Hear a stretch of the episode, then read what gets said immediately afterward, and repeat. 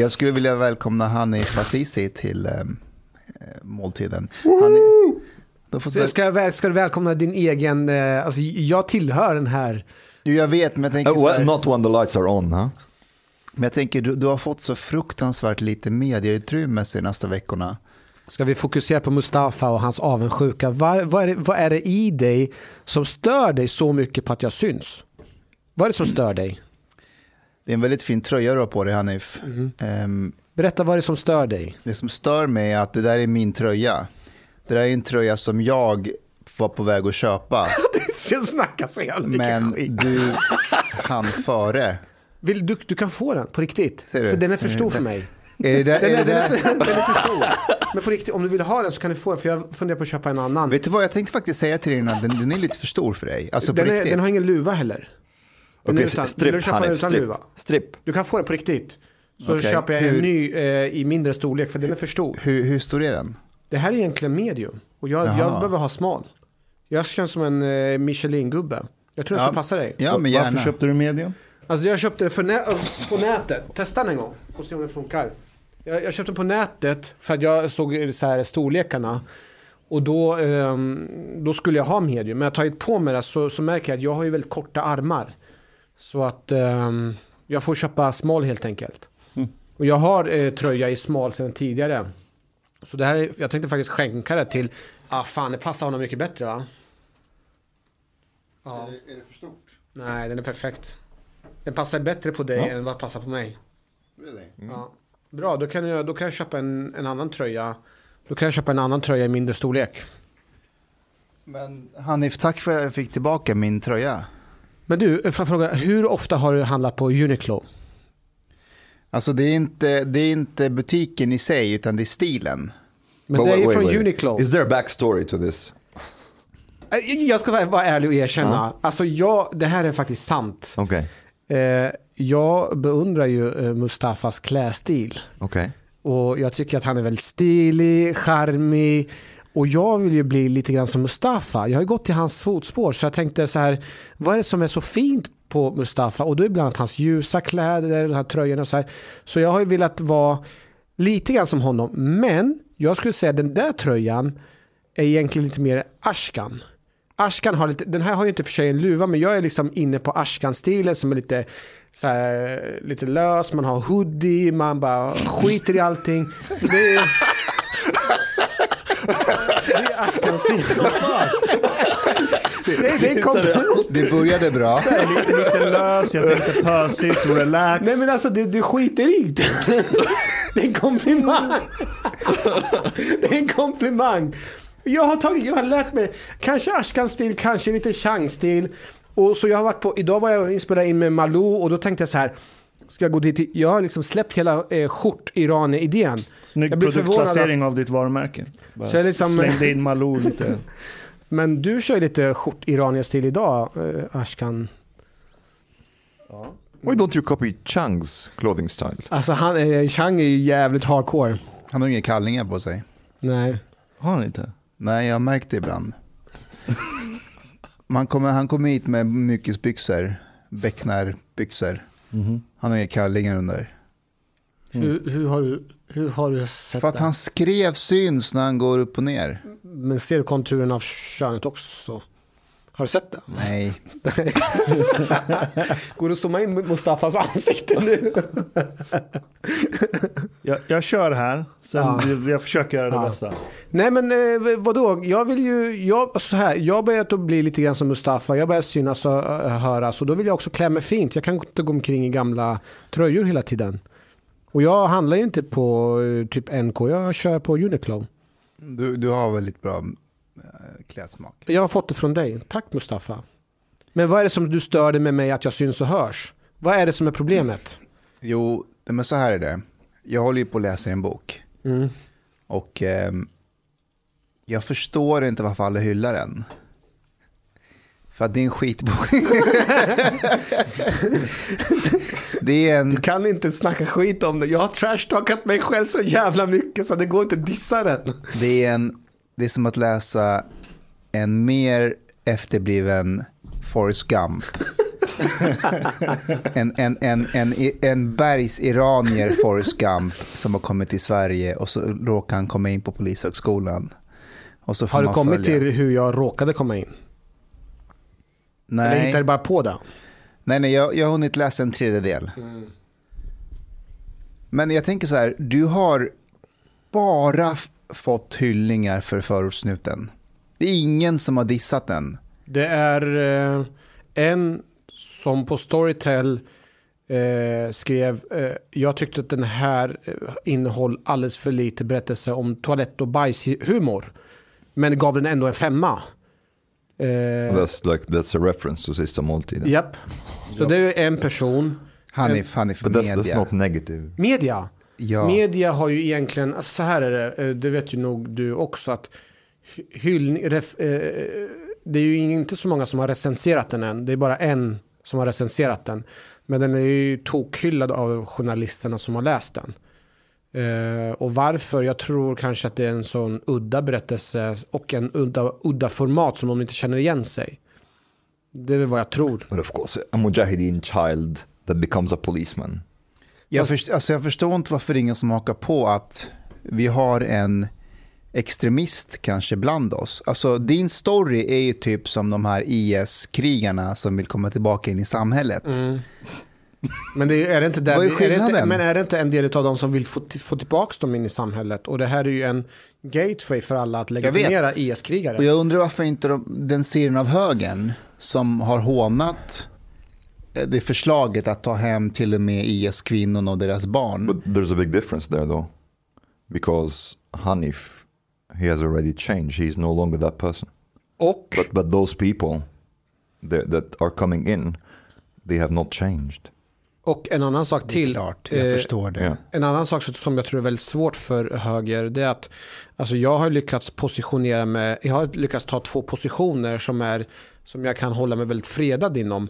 Det är ju lite självmord att ge sig på en polis. Eh, för generellt sett så hyllar man ju polisen och de som jobbar för polisen, lag och ordning och jag förespråkar ju det. Så jag har ju polisidentiteten. Och då är alltså man, det är en väldigt hög insats tror jag att ge sig på mig. Men du, ETC gjorde ju en artikel Ja. med rubriken Klart det finns rasism Ja. polisen. ja. Berätta lite om den intervjun. Ehm, alltså jag tänkte om det är någon som ska försöka dissekera eller någon som ska smutskasta eller någon som ska bli, bli någonting överhuvudtaget så är det ETC. Så jag träffade en av reporterna där, hon kom ut till orten. Eh, hon var ju den enda etnisk svenska bland alla andra. eh, och vi pratade länge och eh, Först så, alltså, hon gick in, alltså så här, det är så här generella, jag pratar om allting, men vadå, tror, tycker du att det finns rasism eller menar du att det inte finns rasism? Så säger jag, ja men det är klart att det finns rasism, det vore befängt om inte det skulle finnas rasism. Vi skiljer oss inte från alla andra. Det vart ju självklart rubriken på, eh, på artikeln.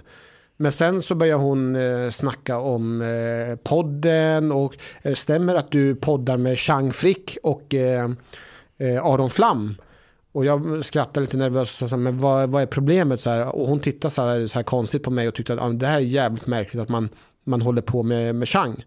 Och då sa jag att men, eh, bara för kännedom så var Billan Osman vår sista gäst. Och jag, jag trodde att jag hade henne i en, eh, i ett, jag hade, få, alltså jag hade hamnat i en situation där hon inte kunde skriva hur som helst. Och eh, då sa jag att om du ska ta upp sista måltiden och prata om att jag poddar med Chang Frick, då tycker jag att du ska vara- skriva också att din egen medarbetare ha, har varit hos oss. Ja, sa hon, jag lovar. Jag Ja, för Bilan skriver ju för ETC. Japp. Mm. Så, But, but I don't know. I don't, I don't. That sounds a bit too defensive. You know what I mean? nej. You, you don't have to apologize Nej, for, men, for having the pod. nej, men jag tycker att det är he- hela idén. Varför ska de ta in podden när, jag, när de ska prata om min bok? Det är en konstig grej. Actually, I'm a bit surprised that not more more people in the media Jag have taken up the uh, pod in, in connection with you. Det är många som har noterat det, men de har valt att inte ta upp det för att What, what do you mean noterat? What de, did they de do tar upp exactly? dig bakom kulisserna. Ja, vi vet att du poddar lite grann också och sen så ser man att de är obekväma med eh, liksom, att de har lyssnat på den och är obekväma helt enkelt. Det är för att man har, man har en bild av dig, av hur du ska vara. Ja. Och det är så här, vi håller oss fast vid den bilden, vi behöver, vi behöver inte komplicera. Det räcker med att han var nära att gå med i Mujahedin, han gjorde inte det, han blev polis, det här är hans berättelse. Att han idag fortsätter att ha kontakt med extremister som Chang Frick, vi behöver inte sätta fokus på det. Nej. Men du, hur trött är du på att prata om boken i media? Or is it still in the honeymoon Nej, jag är period? skit. Alltså jag på riktigt, jag tycker det är jättekul att prata, men jag, jag är helt, på, på riktigt så är jag helt sönderkörd nu. Det är ju en månad nu.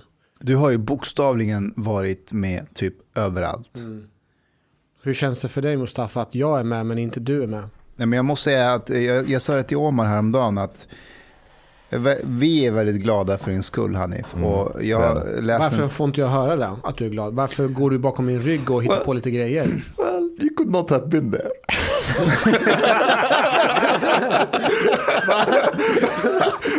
du, du får höra av alla andra hur bra det är. Så du behöver inte höra det av oss också. Men en... Du kan ju komma med feedback kring vad jag gör bra och vad jag gör dåligt som Eli gör. Han liksom återkopplar, det här var bra, det här var dåligt. Men du har skött dig förvånansvärt bra i media. tycker det? Ja, det tycker jag. Ja, det känns kul. Fan, nu blir jag divig igen. Det är det här jag är rädd för. Men vad är den här grejen att du håller på att eh, skicka massor med hemliga klipp till eh, Husplattornas riksförbund? Inte igen. Jag har inte skickat, Inte igen, vilka jag har igen? inte skickat någonting till dem. Det där är ju, det där är ju din typ av humor. Du, det finns ju en Ah, Nu är vi speciell... där igen. Nej, men det är inte där igen. Han, Det, it's, it's not him. det är visst han. Det finns ingen som har sån sjuk humor som eh, Mustafa. Mustafa har problem, det vet vi alla. Men på riktigt så här, eh, alla vet att Mustafa är egentligen en ond människa men spelar god. Det har de ju pratat om på god ton också. Han försöker behålla den här masken men innerst inne så är han ju en, alltså det finns ju Okay, en, yeah, let, let's pause here. So you're saying that Mustafa is evil, but at the same time, he, you're totally fine with him being your friend. Det är det här som jag försöker uppdaga, att han är, det är det här som dilemmat är, ifall han är min vän eller inte. Och när han håller på i hemlighet eh, tar sekvenser kring när jag lipar eh, på olika grejer och han filmar det och sen så skickar han det Alltså, vi till... ska bara tillägga att du var med i Studio 1 och Ja. de spelade 0,3 sekunder av en Magnus Uggla-låt och han började gråta i Studio 1. Det här tar mig tillbaka till gamla tider. Ja. Det det, här, det är det här som är toxisk maskulinitet. Det är det här. Du hånar och häcklar mig för att jag kan känna, visa mig svag. Det kan inte du. Okej, och hus, Okay, a bit of a riksförbund. point there. Men jag har inte gjort, jag har inte gjort Det är någonting. visst Let- du. let him cry, det finns man. Ingen, det, finns, vem, vem, det finns ingen annan som reagerar på sånt än du. Det är bara du som har problem med att man visar känslor, svagheter och, och sorg och så. Jag såg ett program med, eh, ni vet Fredrik Lindström, Värsta språket. Just det, ja. Ja, just det. Det här är ett program från 2012 som heter Vad är en människa? Och det är, vad är det, 6-7 avsnitt. Där han bjuder in olika gäster och djupdyker i liksom, vad, vad, vad en människa är. Så jag såg ett avsnitt idag. Då var det med en kvinna, expert eh, på känslor och förnuft, bland annat. Och de, och de pratade om, är människan en förnuftig varelse eller en känslomässig varelse? Och jag tänkte direkt, det här skulle Hanif älska. Ehm, och, och de pratade om, ehm, är det egentligen våra känslor vi ska lyssna på eller är det förnuftet vi ska lyssna på? Och att man trycker ner känslor mycket i, i, i samhället och lyssnar mer på förnuftet. Ska det inte vara tvärtom och varför inte och så. Och då sa, och ni vet Aristoteles sa ju en gång så här att alla kan bli arga. Men konsten är att bli arg vid rätt tillfälle, på rätt person, på rätt sätt. Just det. Självreglering helt enkelt. Precis, och då tänkte jag, och då tänkte jag på dig Hanif. Fan vad, För- förlåt, fan vad klyschigt det där låter. Jag vet, men Aristoteles sa en gång, så här, vadå, satt han på en middag och sen bara hallå hallå alla vänta vänta jag har något viktigt att säga. Bara Aristoteles Ilska sagt är, fan vilken jobbig asshole att hänga med. Okej Ja. förlåt, fortsätt. And in the end, fuck Plato. min poäng var att när jag hörde det citatet så, så tänkte jag på Hanif. Därför att Hanif är en sån person som, som sällan blir arg vid rätt tillfälle, på rätt person, på rätt sätt.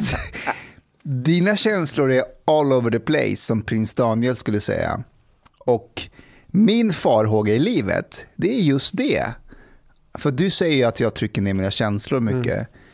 Och min, min farhåga är att, att jag, om, jag, om jag inte trycker ner dem så mycket som du tror att jag gör, att jag skulle bara få utlopp för dem. Men är inte det skönt? då? För, då får man, för grejen är att om man, om man tittar i boken, nu avslöjar jag lite grann, halva boken handlar ju om att jag har ju förtryck, alltså det, det, här, det här har vi skrattat åt, men jag har ju hela tiden behövt trycka undan mina känslor för att kunna överleva på riktigt. Alltså kommit hit själv och allting, det är mycket trauma och för en överlevnadsmekanism är ju trycka undan det för att vara funktionell. Men när, jag, det, när det har öppnats att jag ska kunna känna och tycka och det här, då har det ju ballat ur åt andra hållet och det är det du har problem med. Fan Hanif, du är med dina känslor hela jävla tiden. Och det, det, det provocerar ju dig på något sätt. Eh, och det kommer ju för, för att jag, jag har blivit extrem, känslomässig extremist på grund av historiken. Men vet du vad, jag avundas det också. För jag önskar faktiskt någonstans att, jag, att det finns en frihet i det sättet som du lever ditt liv. Men det finns det så länge du låter mig gråta i studio, eh, vad heter det, den här eh, P4 Extra utan att det hånas och häcklas. Det är han- där, det är där är- friheten begränsas. Hanif, jag, Antingen är det du eller Hanif Bali, ni är samma skrot och korn. du, På riktigt, du, i de här grejerna. du grät till Magnus Uggla till någon låt. Vad var det för låt? varför? Ska jag berätta kontexten? Vad var det för låt? Fyra sekunder. Okej, Ska jag berätta jag kontexten? berättar kontexten.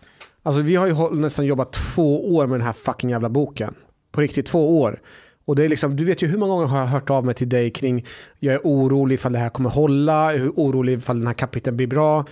Alltså det, jag har ju hållit på med det här två år och, och sen så har ju jag hållit på med lanseringen i nästa, jag kommer inte ihåg ifall det var en vecka eller någonting. Så att det har ju varit väldigt, väldigt, väldigt mycket stress och känslor.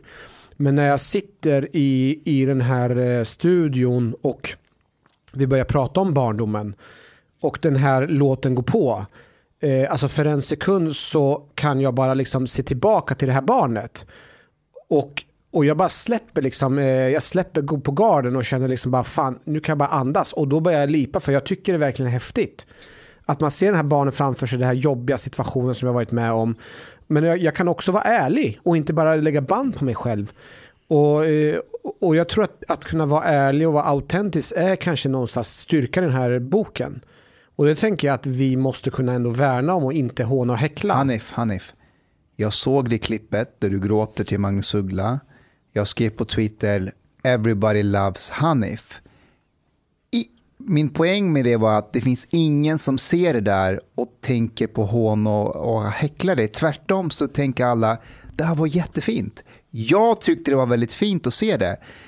Varför tolkar du det till att jag häcklar dig? Därför att någon har skickat det till, därför att du har skickat det där till Husplattarnas riksförbund. Och det där he är Mustafa. it, he tweeted it. Of course. Först så gjorde han på ett sätt, sen så går han och trollar. Han gör ju både två.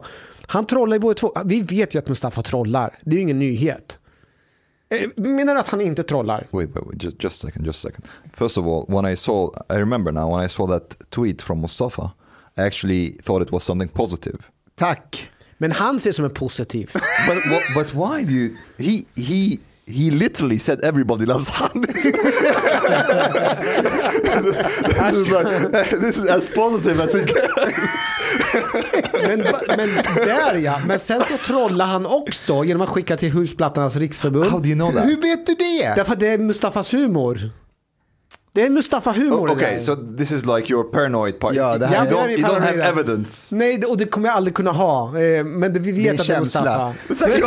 Mustafa, Mus- Mustafa har erkänt att det där är hans han har faktiskt, Du har faktiskt sagt att det där är din humor. Ja, men Du sa- Mustafa is Patrik Gabrielsson. Oh, det här måste vi censurera. Han kan inte ha hur många trollkonton som helst. yes. Två minst. Patrik Gabrielsson, det är Mustafa, Ja. det vet alla. Yes. Men Nej, nej. Patrik Gabrielsson på Twitter är ett geni. Det är inte Han jag. var ett geni tills han var en- enkelspårig. Och kom inte på några roliga några spår. såra inte Mustafa nu. Nej men det är dels det och sen så lyssnade jag på en gammal avsnitt. Eh, vi lyssnade på, eh, var det när ni skulle ha Kärholm. Då kommenterade du kring att jag haft eh, gråt-emojis när, när, när min på... men, men förstår du inte att man kan av, av, alltså, man kan bli så pass glad så att man kan börja gråta? Har det hänt dig någon gång Staffa? Det har hänt, men det var en väldigt rolig tweet du la upp. Du la, du la, din bok är etta på Adlibris och så tar du en printscreen på det, lägger upp på Twitter och skriver så som vi har kämpat och sen en, en gubbe som gråter. Men Liksom- vilka- Det är den vilka- som gråter floder också. Ja, den Ja, gråter men det är, ju, det är ju en speciell gråt. Det är ju inte gråta sorgsen. Gråta, det här är någonting som är vackert gråt. jag, håller jag- fakt- jag håller med Hanif där. Ja, jag, faktiskt jag håller med, men, men det, det påminde mig, för min mammas emoji-game är ju, din är ju sämre än hennes, men ni är i samma liga. Min mamma kan ju skriva till mig, jag saknar dig och sen en, en, en, en skratt-emoji som gråter. Alltså, typ, det är hysteriskt roligt att hon saknar mig, fast hon vill ju skicka en... Men, men du använder aldrig emojis. Hur, Ja. hur kan du ens ha... Men det är det här som är Mustafas jag problem. vet hur Mustafa har emojis problem- funkar, men jag, jag använder inte dem. Mustafa har ju problem med sina känslor. Okay, Hanif, you know I love you, and I actually appreciate that you're, how to say, very much in touch with your feelings and stuff. But grow thicker skin. Don't let these comments affect you as much. Det, det gör inte, men det, alltså det, det påverkar mig inte. Men det är bara att det är min närmsta vän Mustafa gör det. Det, är- det, det, är, ju all, det är ju lojalitet Okay. som är problemet. Okay, think about it that way. You have already decided that Mustafa is evil, right? So every Det- time he says something like that, just he's just an evil guy. Ja, nej men du har rätt, jag skippar det. Jag ska inte låta eh, Mustafa... eh, Alltså, kolla, it, it's all in your head man. Låt mig ta ett exempel. Du ringde mig i förrgår. Och bara Ashkan, mina kollegor sitter på kontoret och rapporterar. Så, och jag är nära där du bor. Jag kan komma förbi och bara säga hej. Och jag var med min dotter då. Så jag bara, ja men visst, så här, kom förbi. Och så kommer Hanif i så här pikébil, slår på blåljus, du vet, in i kvarteret. Och min dotter blir så här, åh det är Hanif som kommer, så här skitkul. Och så visar Hanif runt i så här bilen, hälsar, pratar med min dotter. Sen fem minuter efter att han har åkt iväg, han bara “Tja, fick du några bra bilder?”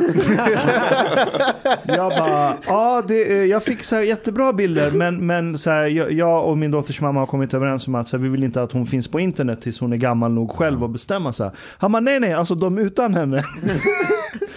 Jag kunde ha tolkat det där som att aha, Hanif var bara där för att få lite bildmaterial. Det var han. Det ena behöver inte, det, det, det ena behöver inte utesluta det andra. Exakt, ser du? Det Se. ena behöver inte utesluta det andra. Du kunde ju ha bett dina kollegor ta bilder på dig. Ja, Eller men, det kanske inte du kunde, jag vet Det inte. här är rationell Ashkan som pratar. Ja. Men jag, jag kunde ha tolkat det så att så här, du var bara där för att utnyttja mig. Utnyttja dig eller din dotter. Ja, både och, för att få en foto-op. Jag såg förresten bilderna. Ni, ni, ni skickade det i sista måltiden. Eh, Det var jättefin. Hon såg It's- it's, jätteglad ut. Yeah. Ja men hon, Hon var, nog, beautiful hon var nog lite väl exalterad va? hon var jätteexalterad. För hon har aldrig varit i en polisbil. Nej, just Och liksom hennes faster ska bli polis, ni två är poliser eller du är före detta polis. Och så liksom, de leker tjuv och polis på förskolan hela tiden allihopa. Så säger jag, hon var jätteexalterad. Så jag kunde ha tolkat det känslomässigt så här. Nu blev min dotter glad i onödan, han var bara här för att utnyttja oss. Eller så kunde jag tänka, han hade vägarna förbi, han kom och hälsa på och han ville ha en bild. Du tänkte som en man alltså. Eh, Jag har märkt under de senaste månaderna och året att när det gäller känslomässigt och förnuftmässigt att jag kan skilja på känslor och, och, och, och förnuft på ett sätt som jag faktiskt inte kunde göra förr. Så jag kan bli upprörd eller ledsen för någonting. Men att jag rationellt och förnuftigt förstår att det här är en känsla. Den behöver inte vara sann. Men jag kunde inte göra det när jag var bara några år tidigare. Och det är faktiskt en, det, det är lite av en superkraft på många sätt. det är det. Definitivt. Eh, och jag, jag vill tacka dig för det. Jag tror att du... Vad har jag med det att göra? Nej, men du har ju pratat mycket om känslor sen vi träffades. Men kan du känna känslor? Alltså kan du... Okay, I, I think I think Mustafa has like uh, thrown in something implicit there. This this was this was not something positive. That's that's that was criticism, Hanif. Jag, hörde att det var, jag, jag, han sa ju att jag inte kan skilja på det, men han kan göra det. Yeah, Ja, men- you showed him the person that he doesn't want to be. That's what he's trying to say. Men jag tror, jag, tror- jag, jag, på, på riktigt, jag tror det finns, det finns två sidor i Mustafa eh, som är i konflikt med varandra. Det finns flera sidor. Eh, ly- lyssna på den här analysen, den är bra. Eh, alltså det Okej, finns en eh. sida i Mustafa som beundrar den här rationella, eh, känslokalla personen som är maskulin, manlig och bara kör på. Eh, han, han beundrar de här personerna som är rationella, logiska och, och han har gärna de, de personerna som är förebilder. Det är ena. Det kan vara Kallis, det kan vara Eli, det kan vara eh, Bali. Hitler. Men sen är det också den här konflikten som finns. Det är ju de, de mm, så kallade modell, man, man, de som är män men som inte passar in i den här stereotypen som är jag. Jag är typ väldigt känslomässig, jag, jag reflekterar öppet och högt. Och mm, jag tror att på ett omedvetet sätt så föraktar du det. Fast du hade nog önskat att du kunde vara lite mer så. Jag håller med dig. Ja. Det hade jag faktiskt önskat. Eh, och, och, och i och med att du önskade att du var så, så kan du också håna och häckla det för att du inte har det i dig. Det är en projicering. Japp, Jag och det är det som gör min grej. Är det och du doktor behöver inte projicera den. Du, kan, du måste låta mig få vara. Jag, jag låter det vara, även om jag föraktar en del av dig. Ja. Men, men det är en projicering, det är det. Jag önskar att jag var mer som du. Lite Okay, grann. but but he, as your friend, he's he's asking you if you could dial it down a bit, Basically. För, att lägga, förlåt att jag avbryter. För jag tror egentligen i grunden kritiken mot att vi är grabbiga det är nog inte det här hö, hö, hö, hö. Det är inte det. Kritiken är, är om någon visar sig sårbar att man är eh, för raljant för att det uppfattas som att man häcklar. Det tror jag, är, eh, det tror jag att många hör och tycker att det där är inte okej. Okay. För då är man med och skapar den eh, här stereotypa normen. Det är min teori. Well, actually, I have to say something about that. We have been getting criticism for saying that we are grabbiga. People don't agree. so I don't know what to think anymore. Men det är vi inte. Alltså jag, jag tycker inte det. För, eh, vet ni vad som pågår i ett omklädningsrum efter en fotbollsmatch? Eller en bandymatch eh, i, någonstans i Sverige? Det här är, vi, vi mesar enligt dem. På tal om eh, grabbig och mesig, jag, var ju, jag kom ju precis nu från eh, TV4. Jag har ju nu stämpelkort nästan på de här, eh, jag var hos Malou efter 10 och pratade just om manlighet. Och hur vi män ska ta ansvar för eh, mäns våld mot kvinnor. Och jag är fan, alltså jag bara så här, fan vad har hänt? Varför ska jag ha ansvar för alla andra män som håller på att slåss? Jag fattar inte det. Vem var du där med? Jens eh, Liljestrand bland annat. And you were like, by the way, you should listen to Sista Måltiden. There are several episodes about just that. Nej, men jag, jag, det första som hände när jag träffade Jens, det var du, du Jens, eh, hej, det är jag som vid en, vid en Twitter kallade dig psykopat en gång. Sa du det till honom? Jag har ju sagt det på Är Twitter. det du som har sagt Ja, det? ja. När jag var backstage på en av Navi- Navids eh, Hur kan vi event för typ tre år sedan. Ja, Det var ett event som Jens Liljestrand var med ja, på. ja. Så jag gick ju fram till alla jag inte kände och så här hälsade. så jag, jag tog så här fram handen och jag bara hej Ashkan. Han sa inte ens vad han heter han bara Hej, är det du som har kallat mig för psykopat på Twitter? det är jag.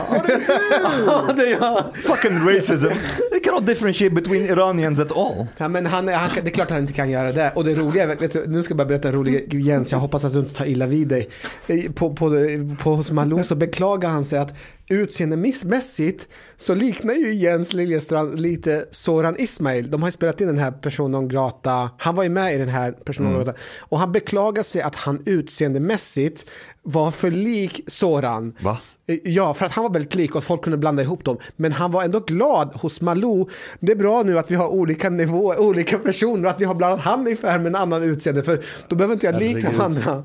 Men han är skitskön kille, jag gillar honom. Men han är trevlig. Han är Jag- skitskön. Ja, han är det. Jag tyckte det bara var kul. Så jag, jag, jag visste inte vem han var när jag hälsade på honom där backstage. Jag bara, Det är alltså Expressens Då- då visste jag inte. Det här är tre år biträdande sedan. kulturchef. Men, men om vi går tillbaka till den här händelsen. Det var ju att eh, Navid hade ju bjudit in Jens till podden och jag uppfattade som eh, Jens att han var väldigt, väldigt hård mot Navid på ett subtilt sätt.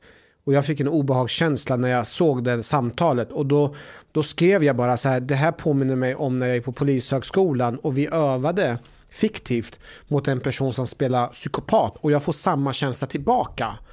Eh, så jag jämförde ju eh, Jens där med en psykopat, men jag bad om ursäkt. Jag Men tror du- jag gjorde det offentligt och eh, skickade det till honom också. Hur, hur gick det idag i panelsamtalet? Vad kom ni fram Ja, till? det, alltså det var ju liksom redan satt på förhand kring att det, män har ett kollektivt, kollektiviskt, ko, kollektiv, har ett ansvar. Kollektivt ansvar. Kollektivt ansvar för, för, för, för allting som män gör. Och alla har hela tiden pratat om hur kvinnorna gör, men männen gör ingenting. Och Jens pratade om hur mycket ansvar han har hela tiden. Och det var en annan kille som heter Erik Adelstrand eller någonting, Adelroth. Som pratade också om att han hade ansvar. Och jag var den enda som som uppfattade som inte riktigt ställde mig, jag, jag var inte riktigt överens där. Jag, jag, jag tyckte det blev konstigt att jag ska ha ett ansvar för massor med andra män som inte Ber, ens berätta träffat. varför. Nej men, Alltså jag, jag får stroke. Fortsätt. Alltså jag känner så här, jag har kommit, jag sa det på, eh, så jag får se hur det här tas emot. Jag sa, jag kommer från ett kollektivistiskt samhälle där vi eh, har kollektivistiskt ansvar. Men sen kommer jag till, till Sverige där man har ett individuellt ansvar och där varje person har ansvar för sig själv. Det är, så kom jag hit. Och sen så är det människor som begår brott och när det är personer med utländsk bakgrund som begår brott så får jag ont i magen. För jag hoppas ju i att inte att jag ska behöva ha ett ansvar för alla andra personer med utländsk bakgrund som begår brott. Men nu måste jag få ont i magen eller nu har jag ett ansvar för andra män som slår andra kvinnor för att jag är man. Och jag får inte ihop de här But, but, but you know, actually, th- there's also another very. When somebody tells you this, they are probably on the left, and you can ask them, "Are you saying that Muslims have a responsibility for all jihadists and Islamic extremist actions?" Jag tror att vi tog upp det på eh, inspelningen, att jag uppfattar att det här är en, det här är en ideologisk kamp mellan, eh, mellan de som är mellan vänstern och höger och där männen uppfattar jag generellt sett inte delar den eh, vänsterideologin. De är mer åt det kollektivistiska, eh, det Det är individualistiska hållet. modern flagellantism. Jag gillar att slå mig med kedjor. Det är vad de gör. De bara står och slår sig själva Men med det är- kedjor. men det är- Actually, Bam, that's bam. that's, that's I actually. like to suffer. Yeah. I uh, during uh, at the height of Me Too there was um, some panelsamtal i Kulturhuset, um, and it was Cissi Wallin, and it was it was like several people. One one guy from the U.S., one one woman from the UK, and that guy there, he he he stood and he opened by saying that men are perverts, men are freaks. Um, society has to like hold us accountable. I was like, what the fuck is he? Well, uh, does he Sund think of kille. himself that way? And then at the end, Hade han stånd när han sa det? at the end, somebody from the audience, like some some Swedish guy, he he stood up and he had like almost this religious fervor, mm. and he he was almost screaming, and he was like, "Society has to force men to stop raping." Mm. They have to take away power from us. Mm. They, we have because if we have power, we will rape. I was like, what the fuck? So that that means that you yourself think that really, if you do have power, Ja, men det är That you will start raping masochism. Well, I don't know. Fast jag känner mig förvirrad när det är en konsensus kring alla. Alla tycker och tänker exakt likadant. Och jag bara, vänta nu, det här börjar bli konstigt. För jag, kan, jag känner verkligen inte genuint ansvar för de andra männen som, som begår brott. Och så ställer de frågan så här, vad är det i man, vad har de här männen gemensamt? Vad, har, vad är det för orsaker till att de använder våld? Och jag bara, jag har ingen aning. Hur fan ska jag här, kunna veta det det? här är vad de här människorna ska göra. De ska gå till Google och så ska de söka på det här. De ska söka på Sharpening Occam's Razor, the role of psychopathology and neuropsychopathology in the perpetration of domestic violence. I den här artikeln så totalsågar de idén med data att det är kulturella normer som förklarar varför män begår våldsamma handlingar mot eh, sina kvinnliga partners utan det handlar om psykopatologi helt enkelt. Men har, eh, har alla de här som begår de här brotten, har de, är de psykopater? De har psykologiska problem. För- för- Och sen, vänta, sen ska de googla på den här. Eh, den, förra, den, den förra är från eh, den förra är från en eh, vetenskaplig tidskrift som heter Aggression and Violent Behavior. Och sen ska de googla på den här. Journal of Psychiatric Research. Indicators of domestic partner violence are structured by genetic and non-shared environmental influences. I den så kan du se att eh, män som slår eh, sina kvinnliga partners till den grad att de blir skadade. Alltså grov misshandel. 54% av det beteendet förklaras genetiskt. Resten förklaras av miljöfaktorer som inte delas inuti familjen. Och eh, män som påtvingar sexuella akter på sina kvinnliga partners, 51% av det förklaras genetiskt. Så det finns en skitstor genetisk komponent. Och sen lägger du till faktumet att om det är de här så kallade machokulturnorm bla bla bla grejerna. Varför är det en så pass liten jävla fraktion av män som håller på att göra de här grejerna? Hur många män är det som går och mördar eller misshandlar sina kvinnor till den grad att de måste hamna på sjukhus? Det som har varit den här senaste veckornas våg. Det är Det jättefå. är jättefå. Yeah. Jag menar inte att förringa de kvinnor som utsätts för det. Varenda offer till det här förtjänar ingenting av det här, såklart. Well, it Men a, kultur, alltså om kultur och en norm påverkar 0,01% av populationen. Alltså då är det ju inte så jävla mycket kultur och norm att snacka okay, om. but but uh, I have a differing opinion from you on this, but uh, a bit to the other side, because there are cultures, like some native cultures, where the uh, the violence against mates is actually really really high. Uh, New Guinean highlands uh, and other like some some native cultures, like the mutilation, for example, of like um, of women like uh, who are partners is very common, and so on. So the like of course a lot of it has to do with like biology and genes but culture can can kind of like potentiate that or Ja, ja, socialize that away Jag sa ju 54%, Mm. så det är en stor del som inte är rent genetiskt. Mm. Men om du tar liksom eh, eh, eh, genital mutilation. Mm. Ett, i de kulturer där det görs så anses inte det vara en sorts misshandel. no no no i'm talking about mutilation as in punishment As in punishment, Mm, okej in sorry. Men då är det ju inte 0,1% av männen som gör det. No, då är det ju skitmånga som gör det. Då kan du börja fundera på så här, är det någonting fel på kulturen? Mm. För att sannolikheten att vad är det, 70% av männen i den här befolkningen är psykiskt sjuka, det är lite så här, Mm. doesn't make sense. Då kan du snacka kultur. Men i Sverige, när det är en så pass liten fraktion, och sen säga att det har med normer att göra. well sweden has actually succeeded with something that very few countries in the world has succeeded with they have succeeded to to civilize men to a very high degree because in many cultures and across history men had a very high tendency towards violence not necessarily always towards the partners but generally speaking this was something that totally socially accepted Yep. uh, so this this this thing with that we have a culture that glorifies glorifies violence. This is total bullshit. We have a culture that does not accept violence really, and and and the, and also the same thing when when we say we have rape culture. We don't have rape culture. All these all, all these people who do that, they basically go against the norms. Kolla, go jag, jag, jag, norms. jag, jag håller med dig helt. Och jag, jag önskar att det gick att förklara mäns våld mot kvinnor i Sverige. Jag önskar att det vore så att, aha, det har med en sorts machokultur att göra. För att om det hade varit anledningen, lösningen hade varit ganska straightforward. Du gör counterkultur. Och liksom majoriteten av alla som växer upp i Sverige får gå i skolan. Det är ett utmärkt propagandainstrument. Nu säger jag inte propaganda ur negativ konnotation, utan att du kan mata ut en counterkultur genom skolan mot machokultur. Om det nu skulle vara lösningen.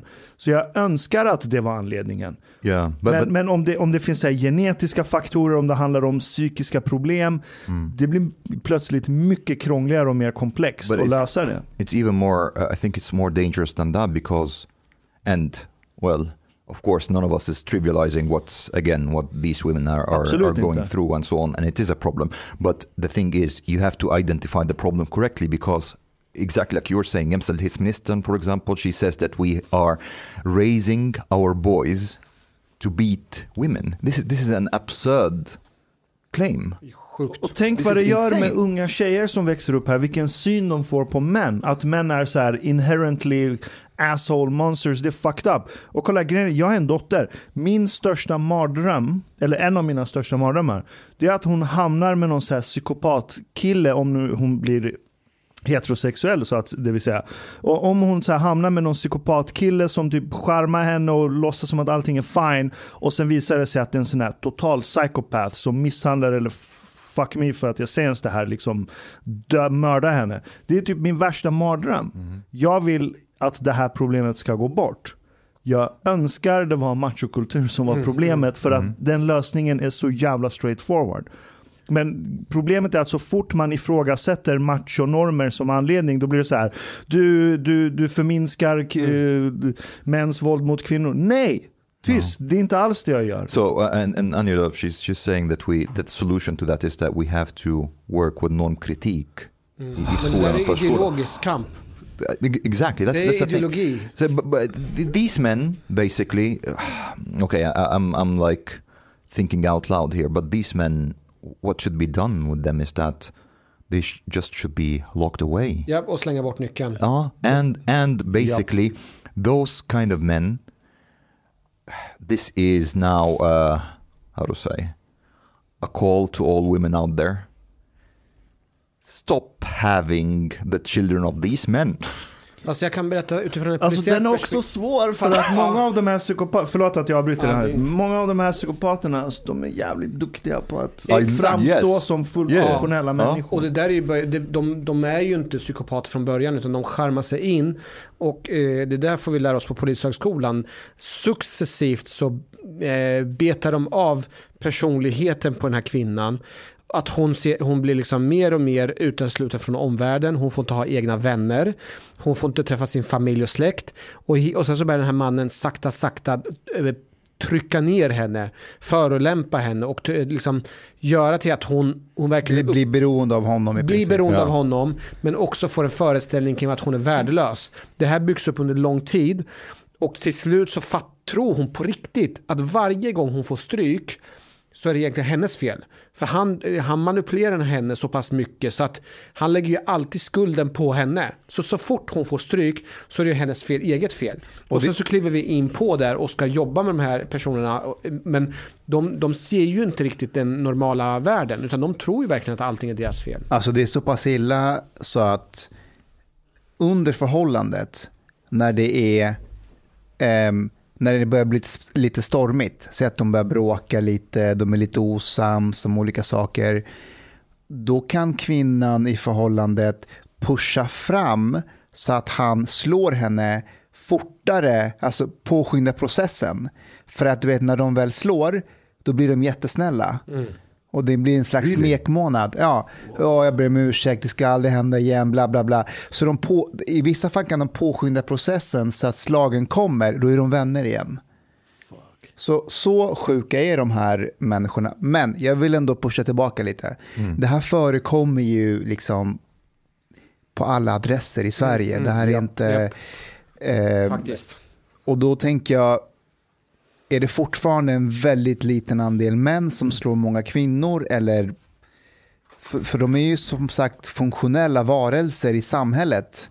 Men de...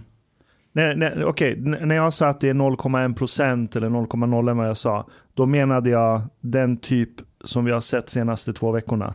Den här vågen vi har haft. Det är liksom mord. Det är den nivån. Sen män som bara slår kvinnor utan att det leder till mord eller så här sjukhus. Den är förmodligen, ja, det här är Well, bara it- anekdotiskt men förmodligen högre. Det finns säkert Well, it siffror is på det. higher, of course, but Yeah. uh, but how så. much? Like um, I don't know, but it's definitely not a social norm. Like this is not something that the the society encourages. Like a person who is who, who has beaten his partner. This is not something that he would go out and brag about to people. Like yesterday, I I beat my girlfriend or my wife. Uh, imagine like someone like that going going saying something like this at work, for Nej, example. okej, It's på så sätt är det, det är inte en norm och det är inte en kultur. Om du går och frågar svenskar på gatan idag, är det okej att slå sin fru eller sin flickvän, så kommer ju tio av tio säga att det inte är okej. Men vi har ju ändå ett problem att det är så pass förekommande ändå. Och då är frågan, okej, om det inte är normer och kultur, eh, är det bara genetik då? Och, Nej. och, och, och, och om man, okej så här, hur kommer man åt problemet om, man inte, om alla ha- har programmerats in i att det är fel, då, då pratar ju ingen heller om det. Att siffrorna jag läste upp som på, pekade på genetik, det var liksom att du slår så pass mycket att den blir brutalt injured. Eh, och, eller, eller våldtäkt basically. Eh, sen finns det mildare, när jag säger mildare så menar inte jag förminska, men jag menar så här, man bara så här, örfil, sådana Mm. grejer som kanske inte, misshandel på den nivå där kollegorna dagen efter inte märker någonting. mm, Förstår ni vad jag menar? mm. Eh, Den snackas det inte om i den artikeln. Där Nej. vet jag inte om det är genetiken inte, ingen fucking aning. Alltså, kommer ni ihåg gamla Bond-filmer? Sean Connery brukar ju Ja. örfila tjejerna minst två, tre gånger i varannan film. They're actually pretty sexist. Jag vet, Ja. okej var han en psykopat? Jag trodde du skulle säga sexy. Vet du vad, det skulle Oh, inte, för, det skulle Oh, inte förvåna mig. Oh, no. Men, men, men, men eh, du vet, när en kvinna blev lite hysterisk i filmen och inte Right. svarade på hans frågor, då örfilade han henne. But but this is What the again, fuck? yeah, yeah. Yeah. But this this is actually this shows a lot about the progression of culture, because this is something that would be totally unacceptable.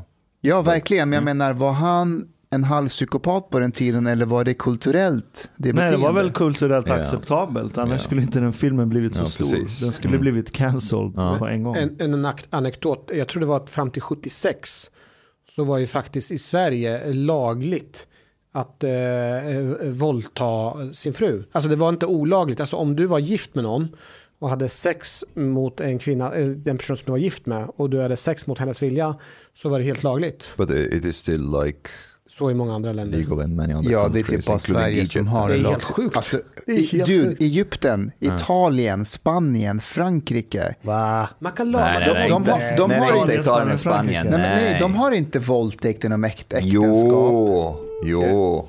I, I mean, uh, what do you mean? Like you mean as a as a as a concept or as a law? It is illegal. It must be. It's like it's, it, uh, in the EU. It, it has to be. Det måste Jag är vara. osäker, men okej, kanske som, som lag, men som koncept, som norm, tror jag italienare skulle bara, hej, buongiorno, hej. Ska vi kolla på några? Ja. Kör. Vad ska vi titta på? Jag, jag hittade en lista, det är på Wikipedia. Eh, länder där marital rape eh, är olagligt. Alltså att du våldtar inom äktenskapet. Länder där det är olagligt. Länder där det inte är olagligt. Men, och länder där det inte är kriminaliserat men om det verkligen är forced sex så blir det punishable. Okay. Men det är olagligt då. Eh, första landet är Afghanistan. Du var tvungen att läsa det, eller hur? det var först upp. Men, sorry, men det är inte criminalized där. Eh, Albanien, extremt explicitly criminalized. Vad var det vi kollade? Vi snackade om eh, Italien och Frankrike. Italien. Ehm, Jag håller tummarna för att, för att det, ska inte vara Nej, det, men jag vill att det ska vara det. Jag vill ju ha rätt, ska men, men jag vill ha fel. nej, i Italien så är det criminalized. Eh, Spanien. The image of Italians have, has totally I been Spanien, destroyed. Mustafa. intressant. Court decision. Är det sant? Ja. The law prohibits rape, including spousal rape, and the government generally enforce the law effectively. The penalty for rape is 6 to 12 years in prison. Vadå, så om det går till domstol så frågar domaren så här, men hur länge har ni varit gifta? Ja, men 15 år. Ah, Ja, Jag vet inte hur det tolkas, men det står att the Supreme Court ruled in 1992 that sex within marriage must be consensual. Så det är, det är olagligt. Japp. Have you have you read something about the ethnicity of the uh, suspected people in the five murders? Jag vet att en av dem var... den från Utlandsfödd. Linköping var ju från Serbien. Yeah, I, I can't remember. I I, le- I I can't remember where I read it, like in several sources, but basically that four out of the five are not Swedes, Hmm. which is which is interesting. I think. Gör inte det här till en rikspodd nu. No, no, but I mean, this is this is like Menar du heltäckande över landet Sverige eller mediekanalen Riks? Mediekanalen Riks. Jag De- såg att de hade någon video på eh, det här mordet som var vid tågstationen i Linköping. Eh, om vem förövaren var. Och då tänkte jag, förövaren heter inte Pelle Svensson. de hade aldrig gjort en video om att förövaren var Pelle Svensson. Är det inte Riks som har en video där det, någon av programledarna sitter i typ Jo, Eh, jo, I, i, i bu- burka eller eh, va? jo det är det. Är det? Ja. Vad handlar den i videon om? Jag har Om bara att- sett den som thumbnail. Om att burka är dåligt. Okej, var, varför har hon eller han, vem är det som har, är det, no, det är någon som har burka på sig? Ja. Vad gör de med burkan? Va? Nej, men hon, hon tar av sig burkan under det här en minut långa klippet. Okej. Och så säger hon att det här finns i How- how Sverige. far does she go? Det ska vi inte ha i Sverige. Va? How far does she go? Alltså hon, tar, hon tar inte... The burka. Just the burka. Nej men alltså det är, ja, det, det är ju bara mm, eh, alltså hela ansiktet och så tar hon av sig den. Rätt imponerande. Hon Eller niqab så- heter det kanske. Eller niqab. Nej, ja. ja, kanske. eh, Jag vet inte. Hade hon, eh, was like the whole face covered? Allt var covered. Whole, whole face, like Ja. even the eyes. Ja, och så Okej, then that, that's a burka. eh, ja, ögonen syns ju. Syns. Ja, så Niqab. Det var en niqab då. Mm. Eh, jag, jag måste be om ursäkt. Again. Eh, det var för några avsnitt sedan jag, jag sa till Mustafa om inte Mustafa vill syssla med någonting seriöst istället för att åka runt och föreläsa och så här inspirera folk. För det är ju inte ett riktigt arbete. Eh, jag får helt enkelt äta upp det idag. För att för, jag tror det var för två veckor sedan. När jag var på gymmet och tränade. Eh, så ehm, Eh, så kom en, en, en eh, främmande man fram till mig. Och det här är på, på, eh, på polisgymmet på Kungsholmen. Vi, det är många personer som tränar. här. inte för att det har egentligen betydelse, men det här killen var en stor svart man som kom fram till mig. Och, jag, och han kom fram till mig och jag, jag tror jag lyssnade på musik och han kom fram till mig och sa ursäkta kan jag få prata med dig? Eh, och jag vart redan nervös. Jag tänkte så här, shit, är det nu någonting kopplat till sista måltiden och Chang? Har jag stickit ut hakan för mycket eller någonting? Så eh, han frågade mig just, eh, du, jag har hört dig podda med eh, en kille som heter Mustafa. Eh, ja, det stämmer. Det är jag och Mustafa och några till. Vi har eh, en podd som heter Sista måltiden och så här. Ja, ni pratade om att ni, eh, ni pratade om att ni, hade, ni diskuterade vilka typer av poliser ni skulle vilja se fler av. Vilka, alltså vilka etniciteter som vi saknar. Eh, det, det, ja men just det, det var ju fasen, jag tror det var 2018 men det visade sig att det var 2019, eh, våren. Det stämmer, jag och Mustafa var ju på en podd som heter Snutsnack med Hasse Brontén och han ställde frågan till oss kring vilka vi skulle vilja se fler av. Och då sa ju jag och Mustafa, tror jag, jag tror till och med vi sa det samstämmigt, att vi behöver ha fler somaliska poliser. Eh, och så sa han någonting i stil med, jag är här nu. Och jag, och jag tänkte så här, vad, vad snackar du om? Eh, ja men jag är här, jag är somalier. Och jag tittade på honom och sa, nej du är inte somalier. För han var stor, han såg ut som en så här västafrikan. Jo men jag är somalier. Nej du är inte somalier. Jo jag är somalier.